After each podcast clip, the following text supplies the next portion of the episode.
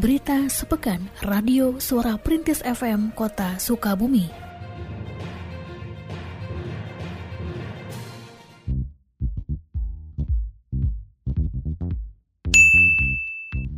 Proses pelaksanaan pembangunan oleh pemerintah diawali dengan sebuah mekanisme perencanaan yang dilakukan setahun sebelumnya, dan wadah perencanaan tersebut salah satunya adalah Musyawarah Perencanaan Pembangunan Musrenbang. Demikian disampaikan oleh Wali Kota Sukabumi, Ahmad Fahmi, dalam Musrenbang, Kecamatan Lembur Situ pada hari Senin 24 Januari 2022. Wali Kota pada kesempatan tersebut menekankan peranan penting Musrenbang dalam proses pembangunan, karena tanpa perencanaan, pembangunan akan sulit direalisasikan hadir pada Musrenbang Kecamatan Lembur Situ, di antaranya DPRD Kota Sukabumi, perwakilan organisasi perangkat daerah OPD, serta tamu undangan lainnya.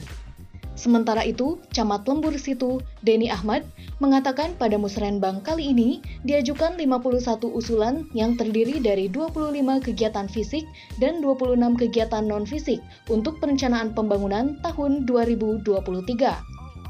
Adapun proses musrenbang tersebut diawali dari rembuk warga di tingkat RT dan RW, sehingga usulan yang diajukan pada musrenbang merupakan aspirasi masyarakat.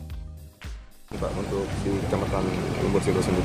25 fisik, 26 uh, non fisik. Non fisik ya? Kalau persen kita uh, sesuai dengan isu strategi yang ada di kota hmm. supaya kita sinergis. Tadi kan Pak Wali bilang ini akan difokuskan khususnya di pariwisata. Ya. Seperti apa sih Pak?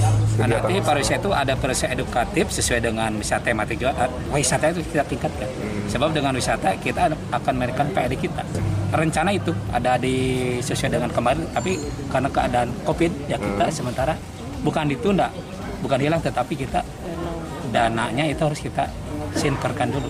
Kalau untuk di Pulau Sari yang tematik itu? Yang tematik memang kalau nah itu menyangkut pemberdayaan juga ya. Di situlah akan mendukung perekonomian nanti masyarakat di situ. Kemudian selain itu kan uh, komunikasi masyarakat, edukasi dengan pendidikan bahkan disaringkan.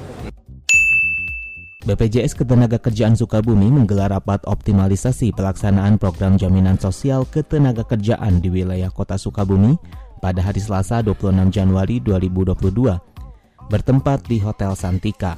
Rapat yang dibuka oleh Wakil Wali Kota Andri Setiawan Hamami dihadiri di antaranya oleh para pimpinan organisasi perangkat daerah OPD di lingkungan pemerintah Kota Sukabumi. Kepala BPJS Ketenagakerjaan Sukabumi Diding Ramdhani menerangkan bahwa jumlah peserta jaminan sosial ketenagakerjaan di kota Sukabumi mencapai lebih dari 19.000 orang, yang di antaranya berasal dari instansi pemerintah, perusahaan maupun tenaga pendidik. Ia menekankan berbagai manfaat yang dapat diperoleh peserta melalui empat program utama BPJS Ketenagakerjaan yaitu jaminan kecelakaan kerja, jaminan kematian, jaminan hari tua, dan jaminan pensiun. Sementara Wakil Wali Kota skala membuka jalannya rapat menjelaskan bahwa pemerintah Kota Sukabumi telah melakukan beberapa upaya untuk mendukung program BPJS Ketenagakerjaan sesuai dengan instruksi Presiden nomor 2 tahun 2021 seperti menjadikan pegawai pemerintah di antaranya non-ASN sebagai peserta BPJS Ketenagakerjaan. Ya kita juga lagi berusaha semaksimal ya supaya optimalisasi kepesertaan uh, BPJS Ketenagakerjaan ini uh, menghasilkan yang maksimal. Untuk itu kita mungkin ada beberapa sektor yang belum tersentuh tadi di sektor UKM, perdagangan, lain lagi dengan beberapa daerah yang memang itu merupakan daerah industri karena ada buruh gitu di sana. Tapi untuk Sukabumi itu kita juga udah cukup besar karena udah hampir 19 ribu pasar tenaga kerjaan. Tinggal sektor-sektor mana yang harus disentuh. Tapi kalau kita lihat kita optimis lah. Banyak sektor yang sebetulnya tinggal sosialisasi kepada masyarakat bagaimana manfaat yang besar yang bisa diterima oleh masyarakat. Berdasarkan hasil uji struktur, bangunan Pasar Pelita dinilai telah layak digunakan. Hal tersebut disampaikan oleh konsultan manajemen konstruksi PT Bagastama Persada, Tobing, dalam konferensi pers yang diadakan oleh PT Fortunindo Arta Perkasa selaku pengembang pasar Pelita pada hari Rabu 26 Januari 2022. Secara kontraktual, bangunan Pasar Pelita Sukabumi sudah terpenuhi. Baik itu untuk fasilitas sosial, fasilitas umum sudah terpenuhi. Karena dua minggu sebelumnya saya melakukan pemeriksaan masih ada kekurangan-kekurangan yang harus diperbaiki oleh pengembang. Sebagai catatan saya ada kurang lebih minor lah ya, minor yang tidak merubah struktur, dimensi ruang, kemudian tatanan ruang letak. Diperbaiki dan alhamdulillah sekarang sudah selesai.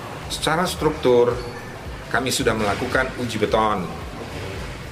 Hasilnya sangat baik dan sehingga kami bisa merekomendasikan dapat digunakan.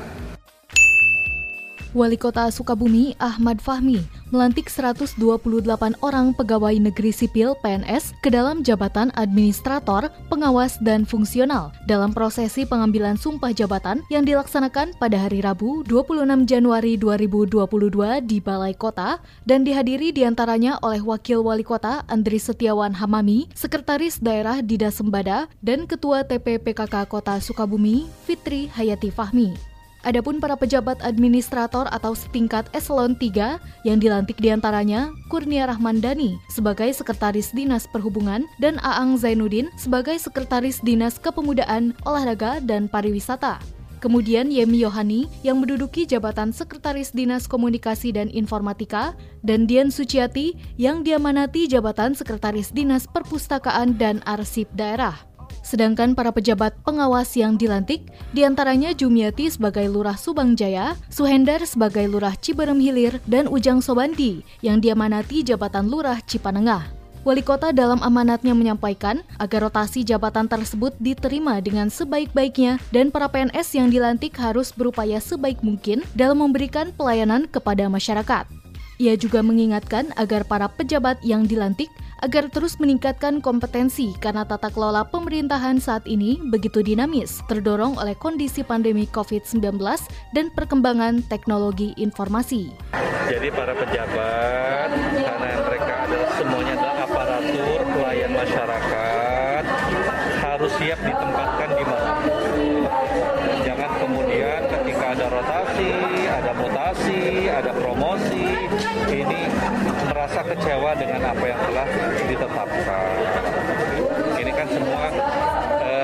sesuatu yang lumrah dalam organisasi ya, rotasi, mutasi dan promosi ini.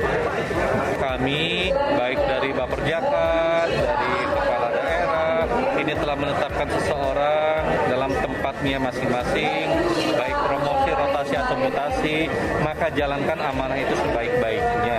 Jangan berkhianat, karena amanah ini adalah amanah rakyat, jadi layani masyarakat rakyat sebaik. Musyawarah Perencanaan Pembangunan Musrenbang Kecamatan Warudoyong yang dilaksanakan pada hari Kamis 27 Januari 2022 di Gedung Widaria Kencana menghasilkan 26 usulan pembangunan sarana prasarana dan 19 kegiatan pemberdayaan masyarakat untuk program pembangunan tahun 2023. Wali Kota Sukabumi, Ahmad Fahmi, saat membuka jalannya acara mengapresiasi pelaksanaan Musrenbang Kecamatan Warudoyong karena melibatkan unsur pentahelix, Dijelaskan pula pandemi COVID-19 yang masih terjadi menyebabkan berbagai perubahan seperti target RPJMD 2018-2023 yang telah direvisi menyesuaikan dengan kondisi pandemi. Perubahan juga terjadi pada besaran anggaran, sehingga pemerintah kota Sukabumi akan melakukan optimalisasi pendapatan daerah untuk menutupi kekurangan anggaran. Sedangkan Camat Warudoyong, Ratna Hermayanti, menjelaskan bahwa sektor pariwisata akan menjadi salah satu andalan kecamatannya.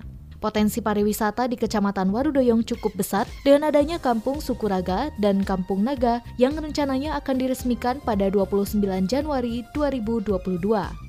Dalam perencanaan pembangunan, ia juga menginginkan terbangunnya sentra UMKM agar semakin memperluas jangkauan pemasaran produk UMKM Kecamatan Warudoyong.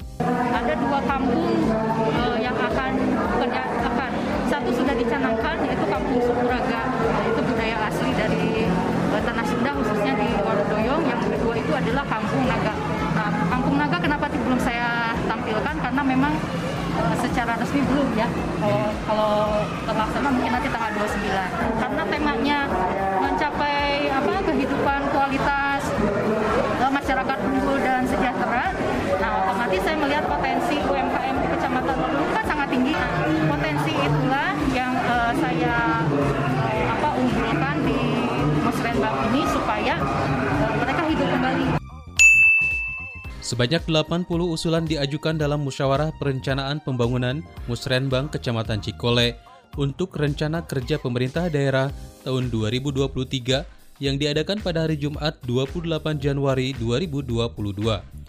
Dalam musrenbang yang dibuka oleh Wali Kota Ahmad Fahmi dan dihadiri di antaranya oleh para lurah, Ketua RT dan RW sekecamatan Cikole tersebut, Camat Cikole Pitria Kusnaningsih menyampaikan dari berbagai usulan yang dihimpun dari musrenbang tingkat kelurahan terdiri dari 50 usulan pembangunan sarana prasarana dan 30 kegiatan pemberdayaan masyarakat. Camat Cikole menandaskan salah satu inti dari berbagai usulan tersebut adalah penataan kawasan di 12 ruas jalan lainnya yang ada di Kecamatan Cikole setelah selesainya penataan pedestrian Ahmad Yani, alun-alun, dan lapang merdeka. Selain itu pula akan dibangun kampung tematik salah satunya di Kelurahan Selabatu. Untuk sementara ini dari enam kelurahan itu intinya adalah beautifikasi apalagi dengan sekarang ada sudah ada tertatanya uh, lapang merdeka, alun-alun dan pedestrian. Dan kemungkinan ke depannya juga 12 trekking jalan lainnya masih ada di Cikole. Itu uh, beautifikasi yang pertama, yang kedua juga peningkatan penataan uh, tadi biar tidak kumuh uh, penataan PKL, penataan PKL yang Camat Cikole Pitria Kusnaningsi menjelaskan Jalan Mayawati digunakan untuk tempat berjualan para pedagang kaki lima PKL yang sebelumnya berjualan di trotoar Jalan Ahmad Yani. Hal tersebut disampaikannya seusai Musrenbang Kecamatan Cikole hari Jumat 28 Januari 2022. Dijelaskan lebih lanjut, PKL di Jalan Mayawati tersebut dikelola oleh warga setempat dan pihak kecamatan terus memantau perkembangannya. Saat ini terdapat 58 PKL yang berjualan di lokasi tersebut dan untuk menghindari kekumuhan PKL yang menggunakan gerobak untuk berjualan dihimbau setelah pukul 18.00 WIB untuk merapikan dagangannya. Pihak Kecamatan Cikole ke depannya akan melakukan koordinasi dengan pihak warga untuk menata Jalan Mayawati, salah satunya dengan melibatkan tokoh pemuda di lokasi tersebut. Karena memang di akhir tahun kemarin Eh, kita coba peningkatan Bu RW-nya untuk pemberdayaan PKL yang ada di Ahmad Yani agar bisa direlokasi dan dirapihkan di Mayawati bawah. Kemarin itu terakhir di posisi 58 PKL roda ya. ya. Tadi teh karena menghindari kekumuhan jadi kita coba konsep bahwa e, kami kasih masukan ke Bu RW-nya itu ada PKL roda yang jam pagi sampai jam 6 sore itu uh, standby di situ tapi setelahnya itu harus bersih dan rapi lagi gitu loh. Jadi nanti ke depan itu kan penataannya selain nanti yang PKL juga nanti kita coba tata lagi uh, minimal tadi yang kata Pak Wali juga di chat-chat lah gedigeliskan lah seperti itu ya.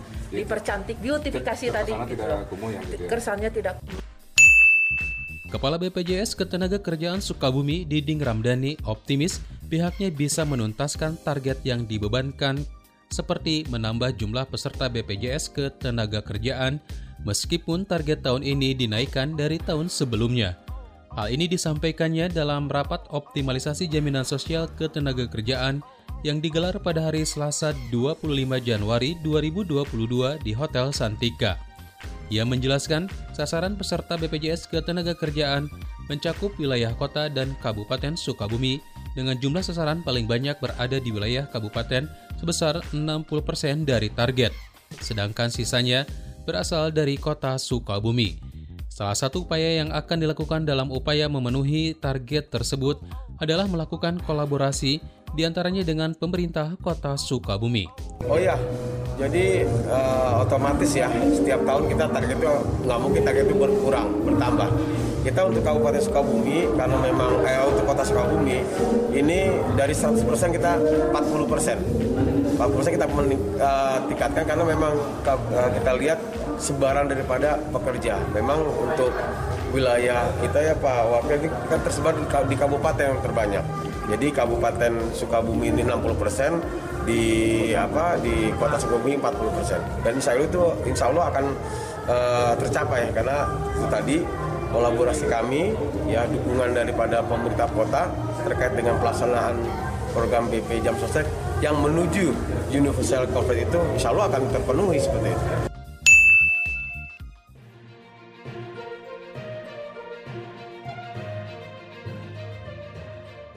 Berita Sepekan Radio Suara Perintis FM Kota Sukabumi.